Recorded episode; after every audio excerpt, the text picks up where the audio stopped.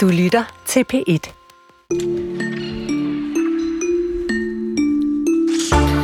Man kunne nærmest sige et tynd, tyndere redmager. Det er mange af de modeller, der i den her uge viser sig frem, øh, viser tøj frem i Milano og for nylig på modemessen i København.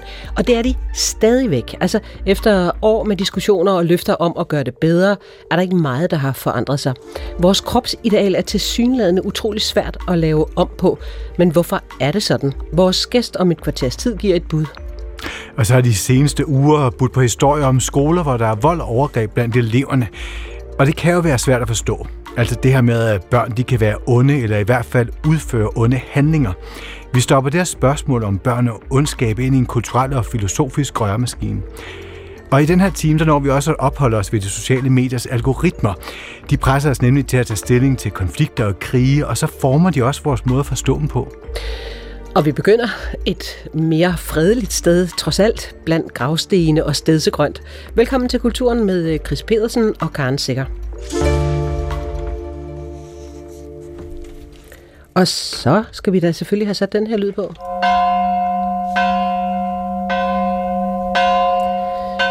Ja, fordi så ved man godt, hvor vi skal hen. Vi skal til kirken, eller især til øh, kirkegården, fordi der er noget, der tyder på, at de danske kirkegårde nu skal øh, være meget andet end øh, bare et hvilested for de døde. Aarhus Kommune har nemlig bestilt øh, 61 kirsebærtræer, der alle sammen skal plantes på en af Aarhus to kommunale kirkegård, Vester Kirkegård. Det skriver Jyllandsposten. Ja, og sidste år, der oplevede Københavns Kommune bærsende medaljen på, på den her tendens. På Bispebjerg Kirkegård, der er der nemlig plantet en masse kirsebærtræer, og de tiltrækker hvert år flere og flere, især Instagrammer, og nu i så høj grad, der er sat hegn op på kirkegården for at begrænse dem en lille bit smule. Enhedschefen i Københavns Kommunes Teknik- og Miljøforvaltning, Jakob øh, Tamsmark, han sagde i den forbindelse, Desværre har vi før oplevet, at besøgende ikke har vist tilstrækkeligt hensyn til dem, som er på kirkegården af helt andre årsager. Det kan være efterladte, som sørger over et afdødt familiemedlem, og de har altså første prioritet. De er der ikke for at glædes over blomsterne træer, men for at finde ro, og det skal der være plads til. Og det er jo øh, langt fra første gang, at øh, de danske kirkegårde bruges til andet end de jo egentlig er ment til. Øh, for eksempel da Copenhagen Light Festival, øh, der løber ind til på søndag, skulle skydes i gang, så foregik det med en øh, kæmpe åbningsfest på Bagnehøj, Vestre Kirkegård i København. Og det her er bare tre af mange eksempler på, hvordan kirkegårdens rolle i dag muligvis er i forandring. Og derfor skal vi nu tale om de udfordringer, der kan opstå, hvis kirkegården bliver sådan et, øh, et sted for alle verdens begivenheder, mere end den bruges som et sted, hvor man øh, mindes de døde. Marie Vejrup Nielsen, velkommen. Tak skal du have. Institutleder på øh, Institut for Kultur og Samfund på Aarhus Universitet. Øh, og sådan en, der har forsket i mm. kirkens mm. rolle i kulturen og øh, samfund gennem tid. Altså 61 japanske kirsebærtræer skal plantes på Vester Kirkegård i Aarhus, øh, selvom Københavns Kommune sidste år prøvede det samme med et ikke helt heldigt resultat. Mm. Hvad synes du om Aarhus Kommunes beslutning? Ja, man kan sige, at det er udtryk for en tendens, vi ser øh, faktisk både på de kommunale, øh, i de store byer, kirkegård, men også på Folkekirkens kirkegård, at man gerne vil åbne det her grønne rum op øh, for andre skal vi sige, aktiviteter eller andre former for brug, end det, der er forbundet med, at man selv har et gravsted der. Så på den måde passer det rigtig godt ind i øh, både, hvad de små og, og meget store kirkegårde faktisk har haft gang i de sidste 10 år. Vi har simpelthen fat i en tendens. Ja, helt sikkert. nu er det jo øh, Aarhus Kommunes Teknik- og Miljøforvaltning, der mm-hmm. har mhm. taget det her initiativ. Øh, hvad tror du baggrunden er for sådan en beslutning? Altså det er ret klart øh, på kirkegårdene i år, at man gerne vil øh, sørge for, at det er rum, der føles relevante og man også arbejder med at gøre dem åbne for alle. Altså, at det ikke skal være et uhyggeligt sted, eller et sted, der har med døden at gøre på en, øh, hvad skal man sige, sådan en, en negativ måde, men et sted, som folk føler er åbent og ikke er tabubelagt, altså som også er åbent for en god tur eller rekreationsophold. Øh, øh og altså simpelthen sørge for, altså lidt sådan populært kan man sige, når vi ser os på Folkekirkens Kirkegård, så arbejder man meget med, at det skal være et sted for de levende. Altså nu kommer jeg jo fra, ud fra landet, fra Kærteminde, fra en lille mm. by. Vi boede over for kirkegården der, det var altså sådan en rim, det var en meget stille kirkegård, ja. og det ved jeg, mine bedsteforældre, og, og nu min mor ligger derovre, mm. den er stadigvæk meget stille. Mm. Altså er det særligt storbyen, at man har det her sådan relevansbegreb I, altså, og egentlig, hvad betyder ja. relevans i det hele taget i forhold til en kirkegård? Ja, altså der er selvfølgelig stor forskel på, og nu spillede I jo også den her lyd af, af kirkeklokkerne, den hører man jo ikke inde på de kommunale øh, kirkegård selvfølgelig. Nej. Så, så, så der er, det er to meget forskellige rum, fordi ja. Øh, kirkebygningen og, og muren rundt om, og det her med, at begravelsespraksisen er meget hyppig, øh, og, og altså, at man har det her lokale tilknytning til, til de afdøde, det gør noget ved det. Men på tværs af alle de kirkegårde, jeg har set på, der er der et ønske om at åbne det op, og, og, altså åbne rummet op og gøre, at folk har lyst til at gå en tur derind. Og det er den her, det her ønske om, for det første jo, at folk vælger at blive begravet på kirkegården, øh, når de dør. Ikke fordi vi i Danmark egentlig eksperimenterer så meget med det, men også gøre det til et andet rum. Og det her med kirsebærtræerne er lidt interessant, fordi øh, en af de ting, I måske har lagt mærke til selv, det er skiftet fra sådan nogle stedsegrønne kirkegård. Ja. Altså, hvor kirkegården bare skal se ud som om, at den har stået stille, øh, uanset årstiden. Året rundt, ja. Ja, og det er jo skiftet ekstremt meget også ude i folkekirken, at man må gerne have løvefald, man må gerne have jordbærplanter, man må gerne have... Krydderurter. Øh, ja, præcis. Uh, og det, det er noget af det, der er skiftet også fra kirkegårdene selv, altså personalet på kirkegårdene også gerne vil. Altså, at man kan se årstiden skifte, at det ikke behøver at være så stationært, at det skal være et levende sted, du godt kan se er i bevægelse. Det her ord relevans, det synes jeg også, det peger lidt ind i sådan en forbrugstankegang. Mm. Altså ligger der noget økonomi ned Er der en økonomisk gevinst øh, ved, ja. ved den her tendens? Ja, helt sikkert. Altså, Hvad er det? Jamen, kirkegårdens økonomi er jo ekstremt afhængig af, at folk vælger at blive begravet på kirkegårdene og betaler. Altså kirkegårdens økonomi, også i folkekirken, er en selvstændig kan man sige, økonomisk enhed. Så hvis folk vælger kirkegården fra, eller vælger de billigste tilbud, så vil det betyde generelt, at man ikke kan drive dem. Tit når vi har internationale forskere på besøg eller gæster, så siger de, altså, at de danske kirkegårde, de er så flotte, de er så velholdte, og de, altså, de, de er bare sådan nogle skønne rum, og det er rigtig mange steder i verden, der er der slet ikke en tradition for eller en økonomi til det. Så der er en økonomisk øh, rolle, som hænger sammen med en kulturel relevans. Altså det, det er klart, hvis ikke man ønsker at ligge der, så får vi heller ikke de her rum for, for alle, kan man sige. Selvfølgelig. Nu, og nu indledte vi jo med at give sådan nogle forskellige eksempler, og, mm. og, og hver gang der er sådan noget, der er jo selvfølgelig nogen, der synes, det er en virkelig mm. god idé, og nogen, der mm. bestemt ikke synes om det. Hvor, hvorfor er, er kirkegårdens funktion til forhandling lige, i den her tid? Altså, det, det er jo rigtigt, og i alle de diskussioner, også i de undersøgelser, vi selv har lavet, der er der det her møde mellem et sted til ro og fordybelse, og et sted til lidt mere rekreation, øh, åben. Øh, og, og det er jo sådan diskussioner, hvor man øh, cykler på en kirkegård, hvor man løber på en kirkegård, ja. alle de her ting, de ja. dukker op. Og det er rigtigt, som I siger, der er forskellige følelser og holdninger til det. Øh, generelt så øh, ved folk godt, at en kirkegård er et særligt sted. Men hvis det er en kirkegård eller afsnit af kirkegård, hvor gravene er meget gamle, eller sådan øh, lidt, altså der ikke er den her øh, påmindelse om det, som der tit er på Folkekirkens Kirkegård, så, så kan der godt komme den her diskussion. Men generelt, når vi ser på det, så er det et spørgsmål om ro og fordybelse over for, for larm og sådan uro. Det er det, som, det er det, som skal forhandles hele tiden. Ja. Jeg synes, det er interessant. Jeg, jeg bor ude på Vesterbro i København nu, og jeg kan godt se, det er cirka sådan inden for de sidste 10-15 år, at sådan, mm. den her kirkegård virkelig er blevet til en anden plads. Mm. Men hvad er, altså, hvad er udfordringerne ved, at, at, de bliver, at kirkegården bliver mere for de levende end for de døde? Altså det, den grundlæggende udfordring, det er jo selvfølgelig det her med at have plads til alle. Øh, og, øh, og vi ser det på de kommunale, øh, hvor der jo også er øh, stor diversitet, men det er der faktisk også på Folkekirkens Kirkegård. Der ligger jo rigtig mange begravet på Folkekirkens Kirkegård, der ikke er medlem af kirken, så der er jo også en diversitet ja. der. Så, så det, er, øh, det er den her diskussion, hvordan øh, bliver man ved med at være synlig og relevant øh, og holde fast i kernen i det, man står for. Og det tænker jeg, alle kulturelle institutioner, inklusiv der, hvor vi placerer vores døde, de står i det dilemma i dag. Mm. Ja, og, og nu har vi nævnt sådan nogle, nogle forskellige eksempler på det. Kirsebærtræer mm. er mhm. måske lige den fredsomlige ende, mm-hmm. men, men det har jo for eksempel også, der er jo også nogen, der ligger og tager sol, altså solbader ja. på kirkegårdene. Ja. Og det er vel også noget af det, der kan rykke ja. lidt i folk. Ja, og det, det er noget, der ikke sker ret meget på landet, kan jeg lige afsløre. Nej, i hvert fald heller ikke der, hvor jeg bor. Nej. Jeg har ikke set nogen. Nå, øh, nu skal du lige høre, fordi øh, P4 Nordjylland spurgte i 2019 øh, to øh, 7. klasses elever på mm. Stolpedalskolen i Aalborg om, hvad, hvad for en stemning og følelser mm. øh, de forbinder med det der med at være på en kirkegård. Jeg tror, det er sådan en lidt speciel følelse at være på en kirkegård, så det er ikke lige sådan noget, man er så tit og sådan Jamen, der er jo de her rigtig mange følelser på en kirkegård. Så du, du får sådan lidt andet, man får, man får et lidt andet humør og fornemmelser, som man ikke så ofte får øh, andre steder. Så på en kirkegård der er sådan en meget speciel stemning. Og derfor, jeg kommer her ikke så tit, men jeg kan godt lide fornemmelsen. Altså, og det, det er sådan overvældende at komme her med familie og måske se på grave og altså alle, alle de flotte indtryk, der er. Og de, de her elever, de hed Katrine Halkær Klint og Daniel Hassan Dersi. Marie Vejrup Nielsen, institutleder på Institut for Kultur og Samfund på Aarhus Universitet. Er det ikke problematisk, hvis kirkegårdene mm. bruger mere energi og økonomi på at blive til attraktioner, end øh, på at fokusere på at gøre det til et rart og roligt sted for at behandle sorg, som øh, eleverne taler om her? Jeg tror, langt de fleste kirkegård øh, arbejder med det som to sider af samme sag, kan man sige. Altså det, at kirkegården er et særligt sted, det er det, fordi det er der, vi har vores døde. Det er det, der giver den her stemning øh, og giver det her særlige rum. Øh, men at det særlige rum kan noget mere, end bare at opbevare øh, vores afdøde og, og være et sted for den individuelle sorg. Altså at man gerne vil være et mere kollektivt sted, et fælles sted. Og så er det klart, så hvis man har virkelig stor succes, for nogle år siden, der havde jeg et, øh, øh, en af de ting, som, som jeg selv synes var super sjovt, det var dengang hele det her Pokémon Go kom frem. Der, der lagde man jo sådan et grid ned over Danmark, hvor kulturelle steder blev øh, kamppladser. Og der havde man bare kirkegård lagt ind øh, automatisk.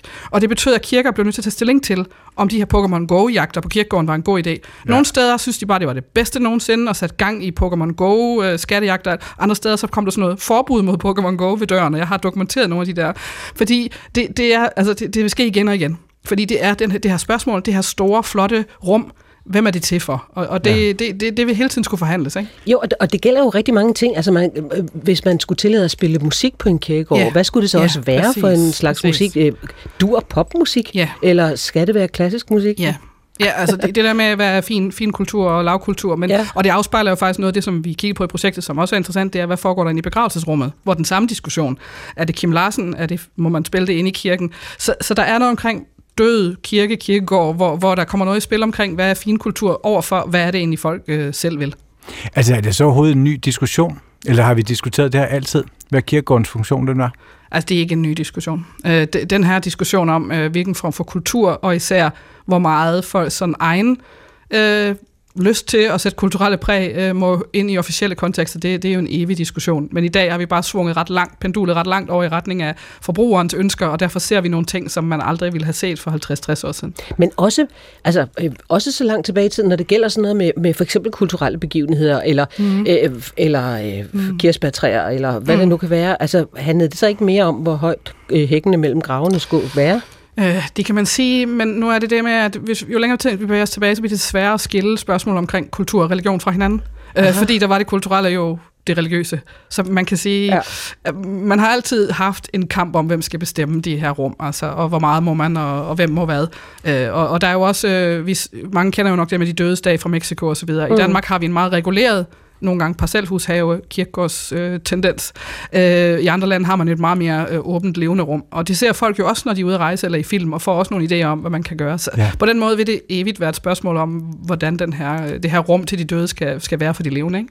Og nu bor jeg altså i en storby. Karen, hun bor ude på landet, og mm. vi fortæller dermed, at vi oplever, hvordan kirkegårdene de bliver brugt forskelligt. Mm. Er det en tydelig, altså tydelig tendens, at, at vi har et forskelligt forhold til, til kirkegården, alt efter om vi bor i en storby eller vi bor i et landdistrikt? Altså, det er i hvert fald en stor forskel, om der kun er en kirke og en kirkegård, som giver det her lokalsamfunds. Men altså, jeg har også været ude på landet og se øh, sansegynger på, på Folkekirkens kirkegård, øh, biavl, hvor man spiser honning fra bier, der er på kirkegården, og, og altså de her øh, Pokémon Go-løb og sådan noget. Så, så det er lige så meget, øh, hvad skal vi sige, den faglighed, der ligger hos personalet på kirkegårdene, og hvad man har lyst til at afprøve. Altså, det, det er helt vildt, hvad der ja. egentlig foregår på kirkegårdene ja. øh, i dag. Altså, det er virkelig, der er et højt aktivitetsniveau, det er ja. nødt til at sige. Ja. Og, og jeg tænker på, er der ikke noget i sådan selve kirkegårdens rum og funktion, mm. øh, som gør, at det her vil være en diskussion, der ikke holder op?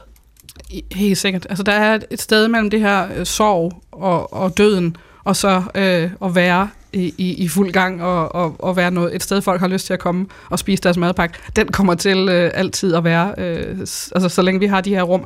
Og en af tingene er jo, at det er fordi, det er et fælles rum. Øh, ja. Folkekirkens Kirkegård er der, hvor de fleste bliver begravet. Og et højtidligt rum ja, for et mange. et specielt rum, ja, det er det. Ja.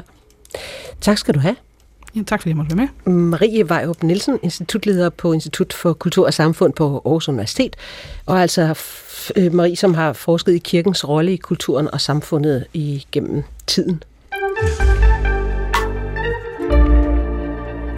Her i begyndelsen af februar, der ramte øh, modeugen København, og nu er modeugerne så rykket videre til London, Milano, New York og Paris, hvor modeller disse dage går op og ned i catwalken for at vise øh, de, de nyeste kollektioner. Men i sidste uge, da modeugen forlod København, der offentliggjorde politikken en undersøgelse, der kiggede nærmere på modellernes kroppe under tøjet. De rekrutterede nemlig to kliniske diætister til at tage et kritisk blik på modellerne til samtlige 30 shows fra modeugen. Og deres konklusion? Den var rimelig klar. Ja, det må man sige. Mange af de kvindelige modeller på den københavnske modeuge i begyndelsen af februar var så tynde, at det strider mod Copenhagen Fashion Weeks eget etiske kodex om at sikre deres sundhed og lade flere kropstyper blive repræsenteret på catwalken. Citat slut. Og mere øh, specifikt, så var der en af de her diætister, som konkluderede, hun hedder Inge, Inge Bøj, Inger Bøjs, øh, hun har speciale i vægtneutral behandling, at når du som kvinde får en udpræget benet krop, så er det i hvert fald tit, fordi kroppen bliver holdt tyndere, end hvad der er naturligt for den. Og derfor så skal vi nu tale om, hvad det er for et kropsideal, der hersker i modebranchen, og hvorfor den her samtale, den bliver ved. Og ved. Samtalen om de tynde modeller. Ja. Fordi vi har hørt det i mange år. Ja. Og lad os, øh, ja, lad os gå til det. Vi har inviteret dig i studiet, Else Skjold, lektor i design og bæredygtighed på det Kongelige Akademi. Velkommen. Tusind tak. Den her undersøgelse, som politikken de, de publicerede, er du overrasket under den? Nej, det er jeg overhovedet ikke overrasket over. Hvorfor? Øhm, jeg er ikke overrasket, fordi at, øhm, at vi har en tøjkultur eller modekultur i dag, som primært er drevet af de to værdier, og det er ungt og nyt. Og det er sådan set eskaleret øh, gennem over 100 år nu, og, øh, og det ideal, vi har nu i modebranchen, det, det er jo ikke voksne kroppe. Øh, det er jo børne, børnekroppe, tynde børnekroppe. De skal ikke have rigtige former, de må ikke rigtig ligne en voksen person, øh, som hænger tæt sammen med den økonomiske model, der er for modebranchen. Øh, og hænger tæt Og jeg tror, grunden til, at vi taler om det igen og igen, jeg tænkte rigtig meget på, at øh, vi taler jo aldrig om øh, cykelsporten og deres øh, udmarvede kroppe, og hvordan de også skal på alle mulige øh, diæter for at holde sig lette og tynde. Det fremhæver vi som noget virkelig sejt, og de klarer alle mulige mål og sådan noget, men når det er modeller, så bliver vi meget kritiske, og jeg tror, det er det her med, at, at det, er det her det er mening, vi skal spejle os i dem, og aspirere til at få sådan en krop, hvilket jo er krop Ikke så godt. ikke så godt. Nej, det må man sige. Jamen, øh, så, så hvis du skal prøve at beskrive det, nu siger du ungt og nyt af kropsidealet, men, men prøv at sætte nogle flere ord på, hvis vi nu har de der modeuger in mente. Altså modeurenes rolle er jo at, øh, at vise os, hvad skal vi gå i nu, hvordan skal vi se ud, hvordan skal vores kroppe være, for, for nogle idealer er der til tiden. Og den måde, øh, branchen ligesom er, den særlige tøjkultur, vi har lige her, for jeg skal sige, der er mange andre tøjkulturer med mange andre kropsidealer, det har der også været her. Øh, hvis vi kigger 150 år tilbage, var det helt almindeligt, at vi skulle købe fedemiddel for at fylde kjolerne ud, hed det. Øh, Så vi tror tit, at det, det bare er sådan et eviggyldigt ideal. Det er det overhovedet ikke. Og det hænger utroligt tæt sammen med den øh, billiggørelse, vi har set af tøj, øh, som kun kan ske ved, at vi laver tøj til den samme krop. Ja. Altså, øh, der plejede at være langt mere variation og meget mere inklusion og meget mere diversitet i kollektionerne, men det er simpelthen dyrere at lave tøj øh, til flere forskellige kroppe, og derfor så hænger det hele, det vi kalder med et meget fint ord, systemisk sammen. Så du kan ikke bare som designer øh, hive dig selv ud af det her og sige, nu laver jeg bare til nogle helt andre øh, kroppe, fordi det kræver, at din økonomiske model skal laves om. Jeg kommer lige til at tænke på noget her. Altså, at når man tænker på Twiggy som modellen, hun var den der meget tynde model Du skal lige tilbage. forklare alle vores unge lyttere. Ja, det var en øh, meget, meget, meget, meget tynd model i Tilbage i 60'erne. 60'erne, der dukker den her unge model Twiggy op. Hun får det her kælenavn Twigger, og det er fordi, hun ligner en tændstiksstjerne. Hun, har, hun er, kommer fra det er efterkrigstiden i England. Hun er faktisk ledet, hun har været underordnet, og det har gjort, at hun har en ekstrem tynd krop. Hun bliver en superstjerne. Hun er faktisk så kæmpestor en stjerne, at hun næsten fylder. Når hun lander med et fly, så er der lige så mange mennesker, der står ved hendes autograf, som der er, når The Beatles kommer. Men det slår mig, at 1950'erne og 60'erne er jo også er tidspunktet for industrialiseringen for alvor af tøj, hvor vi begynder at gå fra det skræddersyede tøj, som kvinderne generationen før havde, og så til det fabrikssyde, som er fladt. Ligger der også noget, altså er der også sammenhæng der med det flade fabrikssyde tøj, og så den her krop? Altså, der er Øh, en til en sammenhæng, fordi det, der sker øh, efter øh, 2. verdenskrig, det er, at vi med Marshallhjælpen øh, tager, øh, der er der sådan nogle øh, organisationer inden for dansk mode og tekstil, som der tager til øh, USA for at studere det, der hedder rationalisering i branchen. Og det er jo simpelthen samlebåndstøj, øh, hvor man vil øh, se på det her, hvordan får man mindre variation, hvordan kan man optimere, effektivisere alle processerne, og det betyder alt det her indmad, der gør tøj øh, rigtig godt. Altså, der er så mange paralleller til mad. Det begynder man bare lige så stille at skære væk. Øhm, og hvis vi så øh, lige hopper til øh, nyere tid, til alt det her lovgivning, der bliver fjernet i start nullerne med globalisering, så sker der det, at, at alle, al den viden og kunden, der skal til for at lave et godt stykke tøj, øh, den bliver fjernet fra Danmark. Og det vil sige, at vi har, øh, altså, vi har fuldstændig atomiseret, altså hvis vi forestiller os, hvad skal der til for at lave et godt stykke tøj, der er, du har tilskæren, du har en, der kan lave gode materialer, der kan designe, der kan alt muligt. Ligesom når man laver en god vaskemaskine. Så skal de stå i samme rum. Det gør de ikke nu. Der er ikke engang nogen af dem, der nødvendigvis taler sammen. Så vil sige, alt det, der skal til for at lave et godt stykke tøj, som vi bliver glade for, der passer til vores krop, som er det, vi ved i bæredygtighed, der virkelig batter, det har vi sådan set gjort øh, helt kropumuligt. Øh, og det vil sige, at når vi så, når vi så siger, øh, ej, nu er den galt med de der modeller igen, øh, så er det jo sådan set bare, øh, ja, så er det jo et spejl til os selv, men vi får den måde, de idealer, øh, som vi fortjener. Øh, fordi vi har et værdisæt og et økonomisk øh, og kulturelt øh, nogle strukturer, der gør, jamen, jamen at det, det er meget, meget svært at ændre det her. Øhm, og, og det er jo det, man så kan se i hele den rivende udvikling, der er lige nu, hvor vi får faktisk nogle helt nye rammer med al den her lovgivning, der kommer fra EU på det her område, at, øh, at nu skal vi faktisk til at blive målt på, laver vi langtidsholdbare produkter, laver vi tøj, som folk godt kan lide, og der er diversitet jo en helt central aspekt i det her, ikke også? Øhm, så, så, så, så selvom at modeugen jo laver øh, nogle... Øh, nogle henstillinger om, at, at brandsene, der, der laver shows, de skal have diversitet og inklusion, så bliver det sådan lidt sådan en checkliste, fordi at de, kan ikke, de kan ikke få det til at passe ind i deres produktionsapparat, fordi de, de, det er for dyrt at lave os til øh, os, der har alle de uens kroppe, som er langt de fleste af os. De laver simpelthen ikke tøj til rigtige mennesker, fordi at de skal lave så billigt tøj. Men, øh, men, men altså, mm-hmm. du skal stadigvæk forklare mig, fordi nu, nu har jeg lidt et printet billede af en øh, magasinforside fra det øh, mode- og livsstilsmagasin, der hedder Cover. Ja. I 2015, der blev det her, den her forside faktisk noget, det blev til en sag, som man diskuterede, fordi pigen, øh, som er på billedet, hun er 16 år, øh, er jo, nu siger jeg, sygeligt tynd. Altså tændstik tynd. Og Cover øh, forsvarede sig dengang med at sige, men øh, det var ikke fordi hun havde anoreksi, det var bare, det var bare fordi hun havde tabt sig af, af personlige årsager. Hvorfor vil vi stadig, hvorfor ser vi på sådan et billede og tænker, ej, det tøj må jeg have? Fordi jeg tænker, det, hvorfor er det attraktivt? Altså, jeg har jo talt med, med rigtig mange modvirksomheder om det her, og jeg hører jo tit det her argument med, at tøjet sidder jo pænere på den her, Jamen, her type hænger krop. det jo nærmest. Øh, men jeg vil, jo, jeg vil jo sige, at modebranchen går jo glip af så mange øh, kunder og mennesker, øh, der føler sig overset og ignoreret, og som der dybest set ikke bliver lavet tøj til. Altså fordi øh, tøjet bliver, altså det, det, det, det, det er meget vigtigt, at man forstår, at tøjet bliver syet til den her form krop, som jo er en teenage børnekrop. Uden former. Ja. Ja.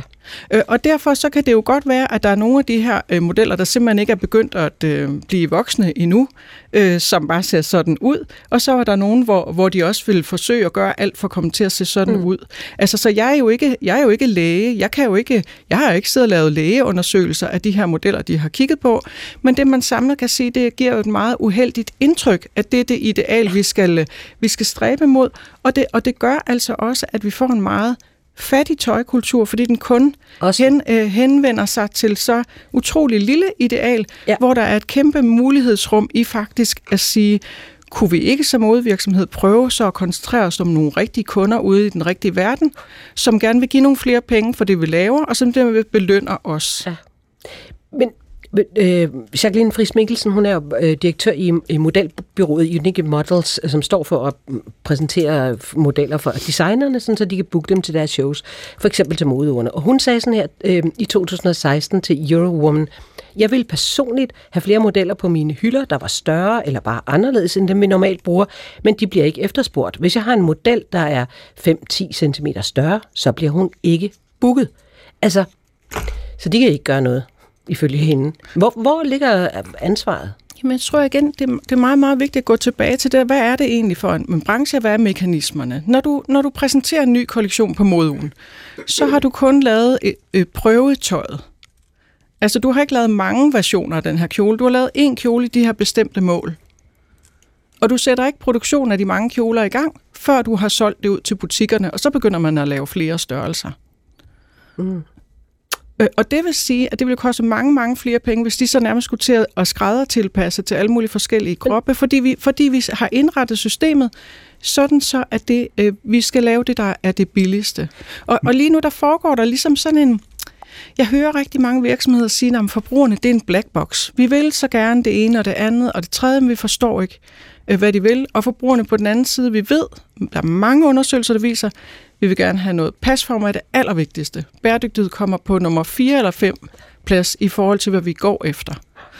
Så der er faktisk rigtig meget at hente, hvis virksomheder begynder i langt større grad at bruge nogle, øhm, øh, nogle kollektionsopbygninger, hvor de for eksempel siger, jamen her, der vi laver altid til hende med den store bag, eller vi laver til hende med de brede skuldre. Altså eller, specialisere sig. Men det lyder Ja. så, som jeg kan ikke lade med at tænke sådan, at diskussionen var i, altså, i 60'erne. Diskussionen var i 90'erne med Kate Moss, og hvor den daværende præs- amerikanske præsident gik ud og, og øh, kritiserede heroin chic på baggrund af, at mm. hun var for tynd, og den generation, hun var en del af. Mhm. Så får vi den igen her i, i begyndelsen af nullerne. Kunne hjælpe så sig igen den- i 2016, og, og, nu så er vi var der, den også i 1920'erne, altså 1920. og- hvor at, øh, netop var her, man fik det her ungdomsideal. Men hvad skal altså til for at forandre det? Altså, tror du på, at vi kan forandre det? Øh, altså, øh, det, det er i hvert fald helt sikkert, at det lovgivning, der er på vej fra EU, det vil gøre det umuligt at lave alt det her brug og smid vægtøj, som der ikke rigtig er lavet, som der er lavet til alle og ingen. Øh, fordi de her øh, logikker med, at man laver øh, tøj baseret på, hvad der er trend eller på mode, øh, alene og ikke på, øh, hvordan vi ser ud og hvad vi vil have, det er faktisk ret nyt. Der har været masser af måder at øh, lave virksomhed på.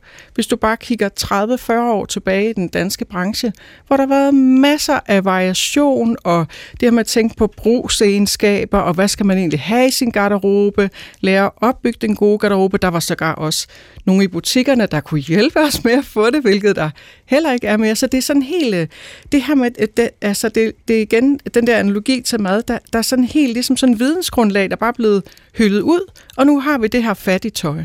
Ikke? Og, det, og det vil sige, at vi bliver aldrig rigtig tilfredse, vi bliver aldrig rigtig med det, vi bliver ved med at blive prakket noget nyt på, der heller ikke passer, der heller ikke passer til vores smag, som sidder dårligt, som gør, at vi skammer os lidt, og det er nok bare os, der er noget galt med. Men det er det altså ikke. Det er tøjet, der er noget galt med. Så altså, nu, nu kan man så sige, for, vi forbrugere skal jo bære et rigtig stort ansvar. Vi skal løse klimakrisen. Vi skal heller ikke øh, øh, øh, købe tøj, der øh, gør biodiversiteten dårlig og sådan noget. Det er måske ikke helt der, man skal placere ansvaret. Men lovgivning hører jeg dig sige her til sidst. Det er det, der skal til. Ja, og så tror jeg som, altså som forbruger, jeg er bestemt ikke fortæller for, at vi skal løse noget som helst, men jeg tror, at der er meget at hente for os selv ved at være mere kredsende og sige, det der vil jeg simpelthen have på, fordi jeg ser for grim ud i det.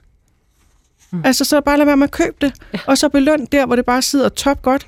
Gå til skrædder, få det justeret, så det sidder endnu bedre, og så gå ud og være ambassadør for noget rigtig godt tøj, som du bare er glad for at bruge længe. Fordi det er det, der vil blive belønnet i den øh, lovgivning, der kommer nu. Okay, så føler man sig ja. vel også bedre tilpas. Det er jo totalt win-win. det er det da. Tak skal du have, Else Skjold, lektor, Velbekomme. lektor i design og bæredygtighed på Det Kongelige Danske Akademi.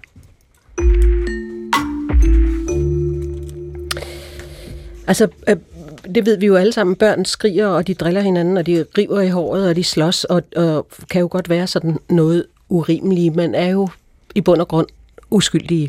Men øh, kulturen er alligevel ret fascineret af det onde barn. Måske fordi kontrasten mellem ondskaben og så det der meget uskyldige øh, barnesind er jo enorm.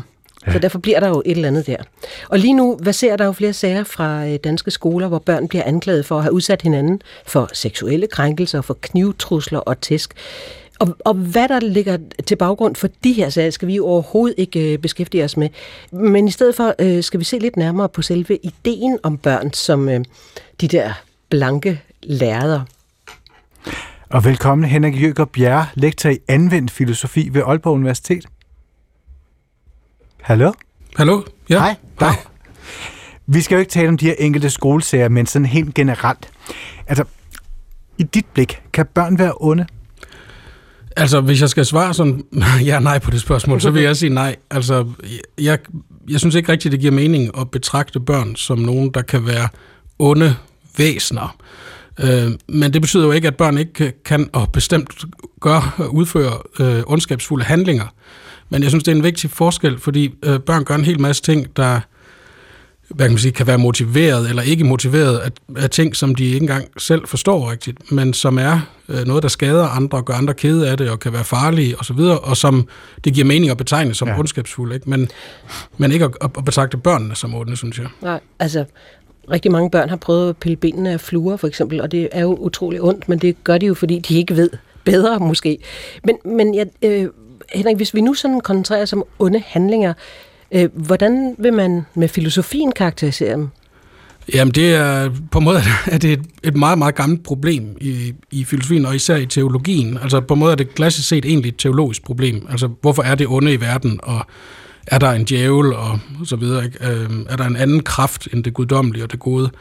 Og, og det er først sådan relativt sent, at det egentlig er blevet et filosofisk problem i det eget, i egen ret, kunne man sige, sådan med, egentlig med oplysningstiden, og med, med Kant blandt andet, som, som i øvrigt har 300 års fødselsdag i år, øhm, som født i 1724. Ja. Øhm, der bliver det mere et spørgsmål om at se det onde, eller det at kunne udføre onde handlinger, som noget mennesket selv er ansvarlig for, eller noget mennesket kan vælge at gøre, øh, mere end noget, som som må have en eller anden form for teologisk forklaring. Altså, hvorfor er der ondskab i verden? Hvorfor er der krig? Hvorfor er der elendighed? Hvorfor er der sult og pest og jordskæld og alt muligt? Det har man på en måde altid forklaret med en eller anden teologisk øh, Hører det så også at sige, der, at, at med det at blive, at være voksen, det er selv at kunne vælge, og så barn, der vælger man ikke sin handling, der handler man bare.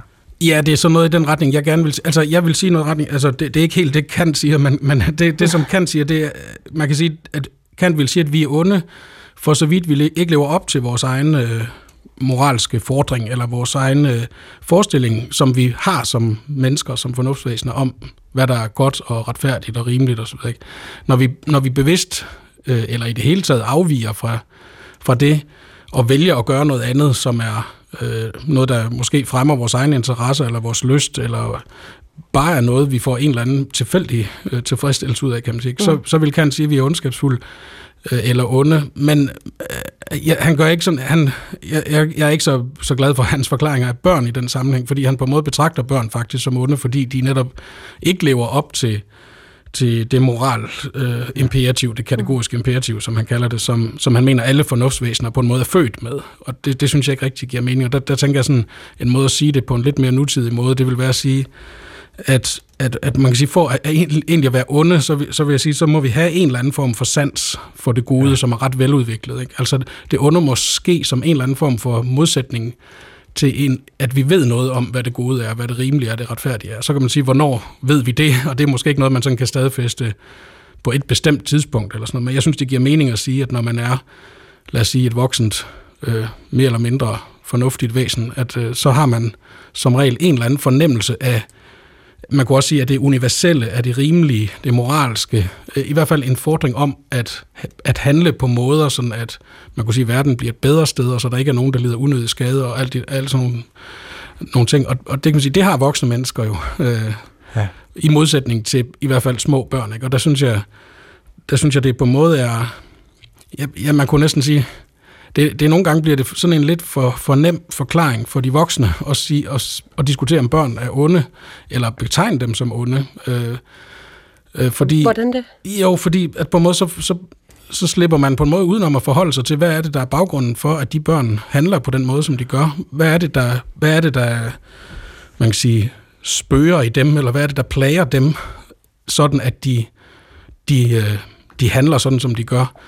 Øh, så Altså, man kunne sige, øh, med et psykoanalytisk begreb øh, fra Freud og senere Jacques Lacan, den franske filosof, som, som, som hedder drift, der kunne man sige, at der er en drift i mennesket, som på en måde etableres meget tidligt i vores liv, som ikke, øh, i hvert fald ikke i den tradition, sådan forstås som sådan en naturlig drift, eller en naturlig øh, instinkt eller aggression, men på en måde noget, der faktisk er resultatet af at komme ind i kulturen, eller komme ind i sproget, eller i fællesskabet, hvor man det, det, og det kender vi jo fra små børn, ikke? Altså på en måde er det jo ekstremt overvældende for børn, at, at øh, begynde at lære at tale, og begynde at prøve på at forstå, hvad er det her for et sted, hvordan hænger det sammen? Hvad er det, de andre, de voksne, siger til mig? Hvor, hvad er det, de vil have, jeg skal gøre? Hvordan, mm. øh, hvordan skal jeg opføre mig? Videre. Og, og det hænger ikke altid sammen, det de voksne gør, og det de voksne siger. Altså, så barnet skal på en måde kæmpe med en hel masse spørgsmål, om hvordan det her spil det skal spilles, eller hvordan det her liv skal leves, og hvad der er rigtigt og forkert. Ikke? Og, og det gør, at der driftsbegrebet vil så handle om at sige, at der er et eller andet, der på en måde så at sige, fortrænges i barnet, som er en eller anden fornemmelse af, jamen det her, det giver da ikke mening, eller hvorfor er jeg her, eller hvorfor skal det være sådan? Og det kan så måske være en del af forklaringen på, at, at der så for eksempel kommer nogle, nogle voldsomme udfald. Ja. Jeg kan tænke, jeg er meget øh, begejstret for horrorfilm og gyserfilm, og man skal ikke se særlig mange for at vide, at der optræder meget ofte sådan øh, onde børn. Ja. Onde børn, især i amerikanske horrorfilm. Men onde børn optræder, eller begrebet onde børn optræder meget, i, i, også i litteraturen. Sådan lidt. Hvorfor, hvor, hvorfor er vi så fascineret af det her barn i, i, i kunsten? Jamen, jeg ved ikke, på en måde tror jeg måske, at det er jo fascinerende, hvad det er, der foregår i børn, kan man sige. Ikke? Altså, fordi der er så meget, vi egentlig ikke rigtig forstår ved børn. Altså, man kan jo ikke på en måde sætte sig ind i børns måde at tænke på rigtigt. Øh, og, og børnene selv ved heller ikke, hvad det er, der foregår. Altså, så jeg synes ikke, det er... Og, og, og samtidig så gør børn jo altså, netop ting, der er aggressive, altså selv over for deres mødre, for deres øh, søskende især, ikke? Og, og deres venner og så videre. Altså gør børn en hel masse ting, der er meget aggressive og ondskabsfulde. Så, så det er jo, jeg synes på en måde, det er et oplagt spørgsmål at overveje, hvor, hvad, hvor kommer det fra? Hvad går det ud på? Hvad er det for mm. nogle væsener? Eller hvad, er der nogle børn, der er særligt disponeret for det, eller noget den retning? Ikke? Ja. Øh, og nu, nu vi er ved kulturprodukterne, der, der, der er en film fra 2021, De Uskyldige, der handler om fire måske, øh, i hvert fald ondskabsfulde børn, som hele tiden prøver at afsøge øh, grænser. For eksempel så øh, tester de, om øh, katte altid lander på benene. Ja, altså... Jeg må... Mama, vad gör man hvis nogen er Ja, mor, hvad gør man, hvis øh, nogen er slemme, spørger en, øh, en, en pige. Instruktøren bag norske Eskil øh, Fugt øh, har, øh, har udtalt til øh, Dagbladet Information om onde børn. De er ikke små, uskyldsrene engle, som siden bliver korrumperet af verden. Jeg tror nærmere, det er omvendt. Hvad er din opfattelse? Jamen, jeg har ikke sådan en opfattelse. Altså, filosofihistorien og, og religionshistorien er jo fuld af sådan nogle diskussioner af, om børn i udgangspunktet er onde, eller om de udgangspunkt er gode. Altså, bliver de korrumperet af verden, eller korrumperer verden dem? Øh, det er både hos Kant og Rousseau om, øh, i vores tradition i filosofien, men også altså, helt tilbage i, i, i teologien. Ikke? Og jeg synes på en måde, det, det er ikke så interessant. På en måde, igen, så synes jeg faktisk, det er på en måde at slippe lidt udenom, hvis man forsøger at lave sådan en eller anden forklaring af, at børn er enten det ene eller det andet. Det synes jeg bestemt ikke, man kan sige om alle børn. Og jeg synes heller ikke, i langt, altså, jeg synes heller ikke, det giver mening at sige om et konkret barn, at det her barn er ondskabsfuldt først, og så måske bagefter kan blive noget andet. Men altså, at det barnet gør nogle ting, som måske er ondskabsfulde, og som måske er aggressive osv., som man skal adressere, og som man skal hjælpe barnet med at forstå og reagere på, og det kan være jeg vil, altså straffe, eller hvad ved jeg, et eller andet ikke. Men altså, på en måde er det mindst lige så vigtigt, at man prøver på at, at lytte til det barn og høre, hvad er det egentlig, der foregår ja. i dig? Ja, jeg, øh, da, vi, da vi snakkede om, at vi ville invitere dig til at tale om det her, så kom jeg med det samme til at tænke på den der frygtelige Willy Sørensen-novelle, som hedder Kun en drengestreg, hvor to små drenge øh, øh, skærer benet af en tredje dreng, fordi han har slået sig, og så skal de sørge for, at han ikke øh, får blodforgiftning. Øh, fordi det ved, det har de nemlig hørt.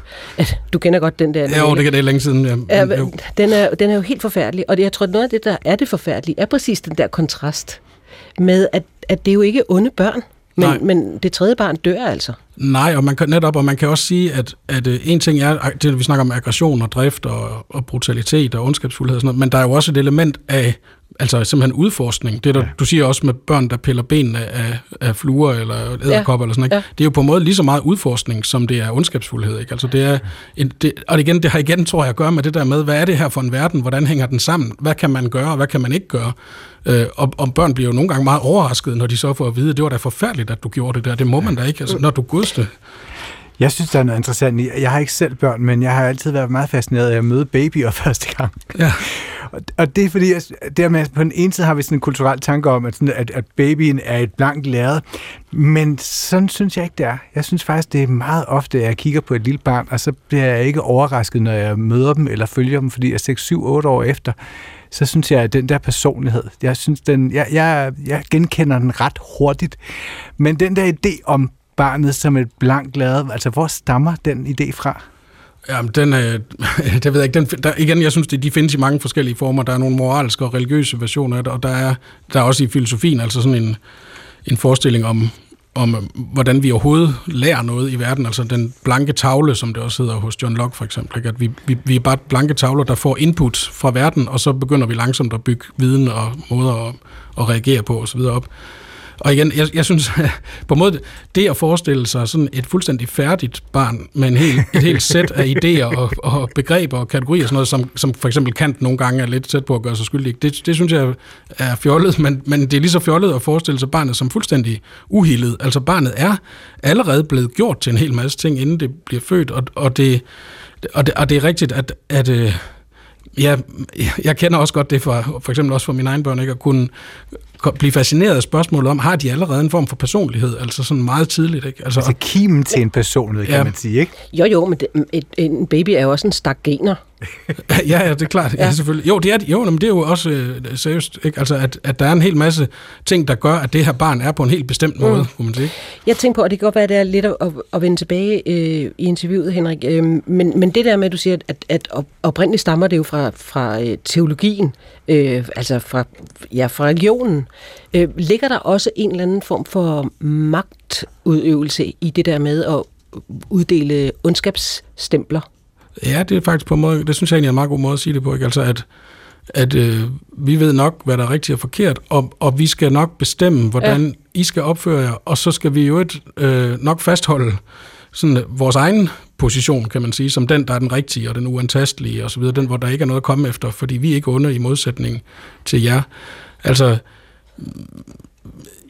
Ja, ja, på en måde, i forhold til religion og filosofi, der er der også, synes jeg, den interessante pointe, der var, at for 20 år siden kom der en, en bog, en amerikansk filosof, der jeg tror var med til at markere sådan en, en ny øh, begyndelse på at tænke filosofisk over det onde som problem. Øh, Susan Neiman hedder hun, som hun har lavet en bog, der hedder Evil in Modern Thought, altså hvor hun på en måde gør opmærksom på, at det er som om, vi har haft 100 år i hele øh, det 20. århundrede, hvor vi stort set ikke har tænkt over det onde som problem i sådan den nyere moderne filosofi, hvor vi har været meget opmærksomme på sprog og kultur og forskelle og så videre, så videre. Måske ikke så meget på, på de store sådan klassiske metafysiske spørgsmål, mm. men det, det, jeg synes, det, det stadigvæk giver mening at tænke, dem, tænke over de her spørgsmål, men på en måde, der måske ikke øh, falder i de der ja. alt for nemme, sådan moraliserende kategorier, ikke? Altså sige, du er på den der måde, og så er jeg jo et... Altså, når Kant siger for eksempel, at radikal ondskab, det han kalder radikal ondskab, det er, at vi bevidst ser bort fra vores egen moralske fordringer, det vi ved er moralsk rigtigt, så kunne man sige, det er mere interessant, synes jeg, at anvende det på os selv, os som voksne, ja. og sige, hvad er det, vi ser bort fra lige nu i dag?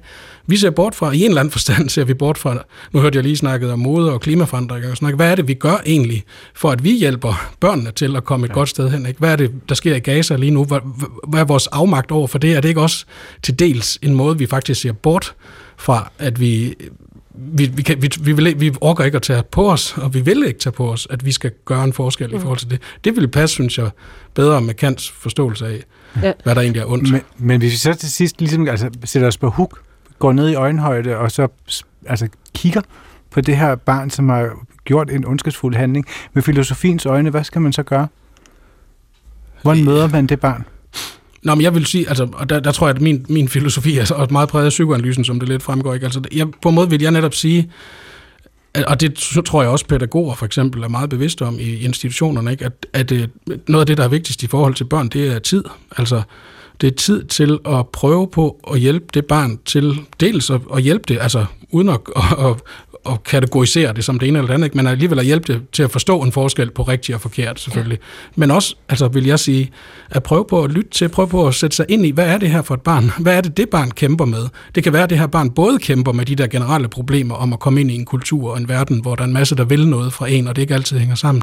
Og så, hvad ved jeg, måske kommer fra et hjem, hvor det, det oplever, altså direkte øh, er upålideligt eller ustabilt. Ikke? Altså, det, det, det giver ekstra udfordringer til det barn om, at, hvordan er det, jeg skal reagere i det her, og, og en kilde til hvad man sige, den her frustration og aggression over for alle os andre, på en måde, kunne man sige. Mm. Der er meget at tænke over. Tak skal ja. du have. ja, selv tak. Henrik Jøger Bjerre, som er lektor i anvendt filosofi ved Aalborg Universitet. Den 26-årige influencer Armani han er blevet en idømt fire måneders betinget fængsel med vilkår om 100 timers samfundstjeneste. Det skal han for, som det lyder i dommen, udtrykkeligt at have billiget terrororganisationen Hamas' terrorangreb den 7. oktober 2023. Sagen med den her 26-årige influencer, den vidner om den voldsomme positionering, vi har set siden krigen mellem Hamas og Israel brød ud. Ikke bare i den offentlige debat, men også i den grad på sociale medier som jeg ikke ved så meget om, så heldigvis har vi fået en gæst. Fordi det er jo også blevet en parole øh, blandt visse aktivister, at den, som tiger, samtykker. Altså hvis man ikke tager stilling øh, til konflikten, så bliver den tolket som sådan et udtryk for, at man billiger enten den ene side, terror fra Hamas, eller Israels angreb på Gaza. Og i USA har flere influencer og kendtiser berettet, at de har følt sig presset til at tage stilling til konflikten på sociale medier. Men der er altså meget, der tyder på, at øh, kravet om stillingtagen i lige så høj grad er et produkt af at systemerne i de her sociale medier, det der hedder algoritmerne, simpelthen er drevet af konflikt og opmærksomhed, fordi det er jo det, tech-giganterne skal tjene penge på. Nå, Katrine Petersen, nu skal vi have sagt velkommen til dig. Tak for det. Ekstern lektor på Københavns Universitet og forsker i, øh, i digital kultur. Øh, hvorfor ser man det her pres på sociale medier i forhold til det der med at mene noget, til stilling? Ja, men lige præcis som du sagde, der ligger ligesom en opskrift i de her sociale medier, og jeg ved ikke, om I kan huske de her i starten af Facebook, der var sådan noget, what's on your mind? Altså det her med, at vi bliver nødt til at, at dele vores følelser lige nu og her. Det handler om at være, det handler om nyheder, det handler om, hvad vi oplever lige nu, det handler om, hvad vi føler af glæde, frustration, begejstring, vrede. Det er sådan set det, øh, de her virksomheder tjener penge på, det er vores følelser. Og det er jo klart, når vi har en aktualitet, der er krig og kriser, så er der... Som er meget følelser. Ja. Præcis. Så er det jo den slags følelser, der fylder og her er der bare en, øh, så, så er der, man kan sige, det som, som, som jeg har fulgt meget, jamen det er lige præcis den type influencer, som tjener penge på, øh, jamen det kan for eksempel være at, øh, at lave en opdatering om en ny lipgloss, men sådan en opdatering om en lipgloss, eller en opdatering om en, en dag med en, en, en hyggelig dag, outfit of the day, er også et, et, øh, et eksempel på det, at man ligesom siger, det her det er det tøj, jeg tager på i dag, og så går jeg en, spacerer en tur ned i parken og drikker en kaffe latte. Det fremstår lige pludselig meget meget hult i lyset af verdenssituationen. Og det er sådan set, det, det, det, det er ret umuligt lige nu at kommunikere på sociale medier, uden den sådan intensiv aktualitet, som vi alle sammen er vidner til. Ja. Men Katrine, jeg tænker sådan, en ting er, at jeg kan også godt huske Facebook i gamle dage, men nogle gange, jeg var sådan en meget trist bror. Jeg, jeg, var sådan, jeg ved ikke hvorfor, jeg var sådan en, der hele tiden, jeg så hele tiden sådan noget, jeg så blåtonerne hele tiden. Så lidt trilleagtigt. Ja folkesangerinde. Sådan lidt, så sad jeg og skrev om det. Og det gik meget godt nogle år. Men jeg bliver jo også trist over øh, altså krigen her, over verdens tilstand, men hvad er det ved algoritmerne, som gør, at vi ligesom bliver tvunget ud i det med at tage mm. stilling? Mm. Fordi der er jo forskel på ligesom at jagtage og have en følelse, og så den her aktive stillingtagen, som jeg ser lige nu. Klart. Og det er jo lige præcis, øh, som jeg også indledte med at sige, altså den her meget polariserende, polariserende tilgang. Altså det er nogle sådan meget sort-hvide kategorier, der er ikke rigtig plads til nuancer. At man kan ikke tage et socialt medie og lytte med, for eksempel. Ja. Der er ligesom nogle ret faste formater, som handler om at kommentere, eller om at, at dele, øhm, men det er ofte noget, som passer ind i nogle ret polariserede og stereotype øh, tilgange. Øhm, og det er blandt andet også, fordi det er ekstremiteterne, der ligesom øh, engagerer folk. Altså, det er jo det, som, som algoritmerne er med til at booste. Altså, når vi er rigtig vrede, eller når vi er rigtig begejstrede, eller når vi holder det med den ene eller med den anden. Så nærmest se det som sådan en boksering. Altså, der skal hele tiden være to, der slår sig, fordi det er ekstra guf for algoritmerne, fordi så engagerer vi os endnu mere. Og der kan man jo sige, på mest tragiske øh, øh, vis bliver en krig jo en rigtig god skabelon til det. Er vi for lidt bevidste om det her, altså hvad, øh, hvad det er for konsekvenser, vi, vi kan tale mere om konsekvenserne, det kan have at, at deltage for eksempel i, i sådan en debat om, øh, om krigen i Gaza? Ja, fordi man kan sige, altså den ene del er det, som vi ser som vi har set i mange situationer, altså bevægelser, der opstår netop fordi folk finder, frem, øh, finder, finder sammen omkring og mobiliserer øh, fællesskaber, mobiliserer øh, aktivisme, øh, MeToo, Black Lives Matter, og nu også en form for omsorgsbevægelse, som jo i bund og grund vil vise sympati med ofre, ofrene i en krig. Problemet er, at øh, der også er nogen, der kan udnytte de her algoritmer, og når vi befinder os i en informationskrig, som jo flyder frit på internettets gader lige nu, så kan intentionerne være nok så gode, men de kan både bruges, og de kan også misbruges. Og det er sådan set det, der er øh, ved det her system, som er et økosystem, hvor vi alle sammen er med til at, øh, at booste øh, opmærksomhed til den her polarisering. Det er vi i for sig også, når vi taler om det her. Jeg forsøger at tale om det så nuanceret som overhovedet muligt, men det er næsten umuligt. Ja. Jeg kan ikke lade med at tænke, har man ligesom fuldt altså, sam, den globale samtale de sidste 10 år, så har der netop været MeToo, Black Lives Matter, der har været hele miljødebatten, øh, Greta Thunberg, så havde vi Trump. Øh, altså, Brexit, men stadigvæk så føltes det som om, at det her, altså, er der noget ved den her konflikt nu, som er mere polariserende? Er den anderledes i sin, i sin essens? Ja, man kan sige, at der er en, en, en forsker, der hedder Hirschenberger, som taler om øh, sociale medier i forbindelse med asymmetriske konflikter, og han taler netop om Israel-Palæstina-konflikter. Asymmetriske, asymmetriske konflikter, altså hvor der er en stor asymmetri i forhold til krigsførelse, i forhold til øh, underdog, og hvad hedder det på da, hvad hedder det? Øh, altså noget David og Goliath. Ja, præcis, ja. og det her med, og det er jo også det, som man kan sige, en, en, det er jo det, der sker lige nu. Det er jo derfor, folk går på gaderne Øh, ikke kun i, i, i fysisk, men jo også på internettets gader. Det er jo simpelthen et forsøg på at stille sig ved siden af de ofre i den her krig. Mm. Øhm, så, så der tænker jeg, der er nogen igen i hvert fald en, øhm, altså så kan man sige igen, det er jo så komplekst, fordi der er jo ofre, der er mennesker i den her krig, øhm, og, øh, og der er nogen, der udnytter det. Ja. Og, øh, og selvom, og, og der kan man sige, at de her sociale medier kan bruges til at udtrykke sympati, de kan bruges til at være med i en bevægelse for forhåbentlig at få øh, kastet opmærksomhed i den her store opmærksomhedsindustri, hvad det jo også er på offrene. Men på den anden side kan det også misbruges som et våben i denne her informationskrig. Altså, hvordan det? Jamen det kan man sige, det er jo med til igen at polarisere. Altså det er med til at kaste, øh, hvad hedder det, ja, det er med til ligesom det handler i bund og grund om for, øh, for i en krig. Øh, vi så det mm. tydeligt i forbindelse med Rusland og Ukraine, hvor det handler om at vinde folkestemninger. Det handler om at vinde ja. narrativet. Og det er den krig, der pågår lige nu, og som alle på en eller anden måde er med til at deltage i. Ligegyldigt hvad intentionen og hvad, øh, hvad hedder det, øh, ja, er. Ja. Mm. Og, og en anden side af mønten handler også om dem, om dem der så er på de sociale medier. For det, ja. der har været øh, flere eksempler på, at kunstnere er blevet aflyst, fordi de har udtrykt sympati for den palæstinensiske sag. Det omvendte er sikkert øh, også sket. Og så er der sendt screenshots, altså der er taget billeder af deres, øh, af deres øh, kommentarer og bemærkninger, og sendt afsted til arbejdsgiverne. Ja. Øhm, når nogen har udtrykt sig sådan ret hårdt øh, i den her øh, sag, er man også mere udsat ved at deltage i, i, øh, i den her debat? Om krigen i Gaza, end vi har set tidligere? Mm. Ja, man kan sige, at der er et større... Altså, nu, sociale medier har jo også fået øh, skyld for at censurere bestemte stemmer. Øhm, der er også en der er også nogle, nogle særlige interesser på spil, så øh, jeg tænker for mange af dem, der ytrer sig i denne her øh, konflikt, i denne her krig, er det meget svært ikke enten at være øh, med det rigtige øh, narrativ, det dominerende mm. narrativ, mm. i, og her tænker jeg på i Danmark i forhold til det narrativ, put, som, som danske politikere lægger, øh, lægger frem. Og så den anden position, som er at være aktivist. Mm. Der er ikke rigtig noget ind imellem. Og det, det, det, det er der jo naturligvis, og det er jo der, hvor det bliver en meget sort-hvid øh, hvad hedder det, kommunikation, der er mulig, og det er der, hvor vi mangler nuancerne, og det er det, der ligesom også, øh, hvad kan man sige...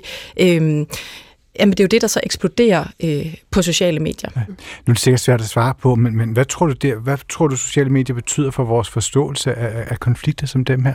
Altså det må jo betyde noget, når, når hele de, debatten det er så polariseret. Ja, men det kan vi, har vi jo set en, en masse eksempler på. Det er med til at forstørre, det er med til at forstærke, det er med til at, at ja, polarisere. Øhm, jeg synes, det er et, et, et, et jeg synes, det amerikanske valg, øh, og den måde, som, øh, som man misbrugte sociale medier til at påvirke vælgere, et rigtig godt eksempel på det. Lige nu står vi at i 2024 er et øh, år med et valgår for over 40 lande. Altså det mm. er øh, både øh, verdens største de- diktaturer og, og, øh, og, og, og demokratier. Og der er det jo, altså lige nu står vi, jeg, jeg plejer at kalde det for en informationskrise. Ja. Altså det her, det er ikke noget, jeg selv har fundet på. Det er en amerikansk forsker, der hedder Whitney Phillips, som, som ligesom kigger på det ligesom klimakrisen, altså forurening, der flyder på tværs af landegrænser. Og, og det er jo sådan set også det, vi oplever øhm, lige nu med sociale medier, at der er en risiko for, at det kan misbruges. Problemet er så modsat øh, klimakrisen, nej det ved jeg ikke, det kan man måske også bruge i den, i den sammenligning som en metafor, men der er nogle virksomheder, der tjener penge på, at denne her information, forurenet information, flyder frit. Altså fordi jo mere, jo bedre, jo mere øh, Men hvem er der tjener? Det synes jeg faktisk er spændende, ja. fordi det er måske et af, en af de informationer, der gør, at man som bruger kan stoppe sig selv, ja. når man pludselig får den der adrenalin at køre, jeg har lyst til at blande mig i den her debat nu. Hvem er, er der tjener pengene på den, den ejerskab, jeg så sidder med der? Jamen det der er jo en, en, en mønsterforbruger ind i, øh, i, i forhold til sociale medier. på mig, ja. ja, Facebook, Instagram, det er dem alle alle sammen. Altså sociale medier, det er det, de tjener penge på. Det er, at vi engagerer os. Det er, at vi, øh, at vi bliver oprørte, at vi... Øh, det kan godt være, at vi så ikke nødvendigvis selv deler, men at vi kommenterer. Øhm, så det er jo sådan set det, der er hele forretningsmodellen. Mm. Nu, nu er vi jo så meget optaget af øh, Gaza-krigen i øjeblikket, men der kommer jo desværre øh, nye krige, nye konflikter. Er der noget af det her, du nu har fortalt, og den, det, det vi har oplevet her, som vi kan lære noget af i fremtiden? Hvis vi vil. Ja, ja, altså jeg tænker, det er rigtig svært at gøre noget på individets plan. Det er jo også derfor, at EU er i gang med den her trebindede lovgivningsramme, fordi det her, altså vi står mm. ligesom i en ret stor krise, som er alvorlig. Øh, og blandt andet også, øh, når man taler om verdens demokratier og, øh, og alt. Øh, altså, hvad kan vi egentlig regne med? En ting er misinformation, men også, hvordan vi kan blive spændt for en vorm, osv. Det kan jeg tale rigtig længe om. Så jeg tror helt klart, at der er jo en grund til, at EU arbejder benhårdt på at stoppe øh, den måde, at man kan, at man kan udnytte øh, de her systemer på, og at virksomheder også ikke stoppe virksomhederne, men får virksomhederne til at tage ansvar. For det handler også rigtig meget om, altså ligesom medicinalindustrien, at man tager ansvar for, hvad er det egentlig, man sælger, hvad er det en forretningsmodel, man har, øhm, og hvem har egentlig ansvar, når øh, sociale medier bliver brugt som mm. våben i en krig. Våben i en krig. Ja, ja så vi på, på ja, lovgivningsansvaret igen. Ja. Tak til dig, Katrine Pedersen, digital analytiker. Selv tak. Jeg kan huske, at nattevagten sidder på en stol. Han rejser sig op, og han øh, fjerner dynen. Vagt forgreb sig på en fastspændt patient på et psykiatrisk hospital. Da jeg ser overskriften, får jeg gåsehud. Lige nu kan du få masser af spændende og tankevækkende kriminalsager fra det virkelige liv. Mens Shipman har sin egen lægepraksis fra 1992, tager det virkelig fart med drabene. Da vi når udgangen af 1996, har han dræbt over 50 patienter. Find historierne lige nu i DR Lyd.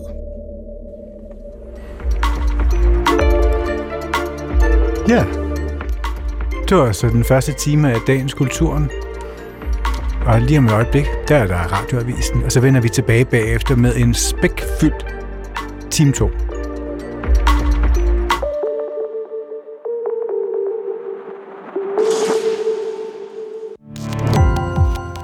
Gå på opdagelse i alle DR's podcast og radioprogrammer. I appen DR Lyd.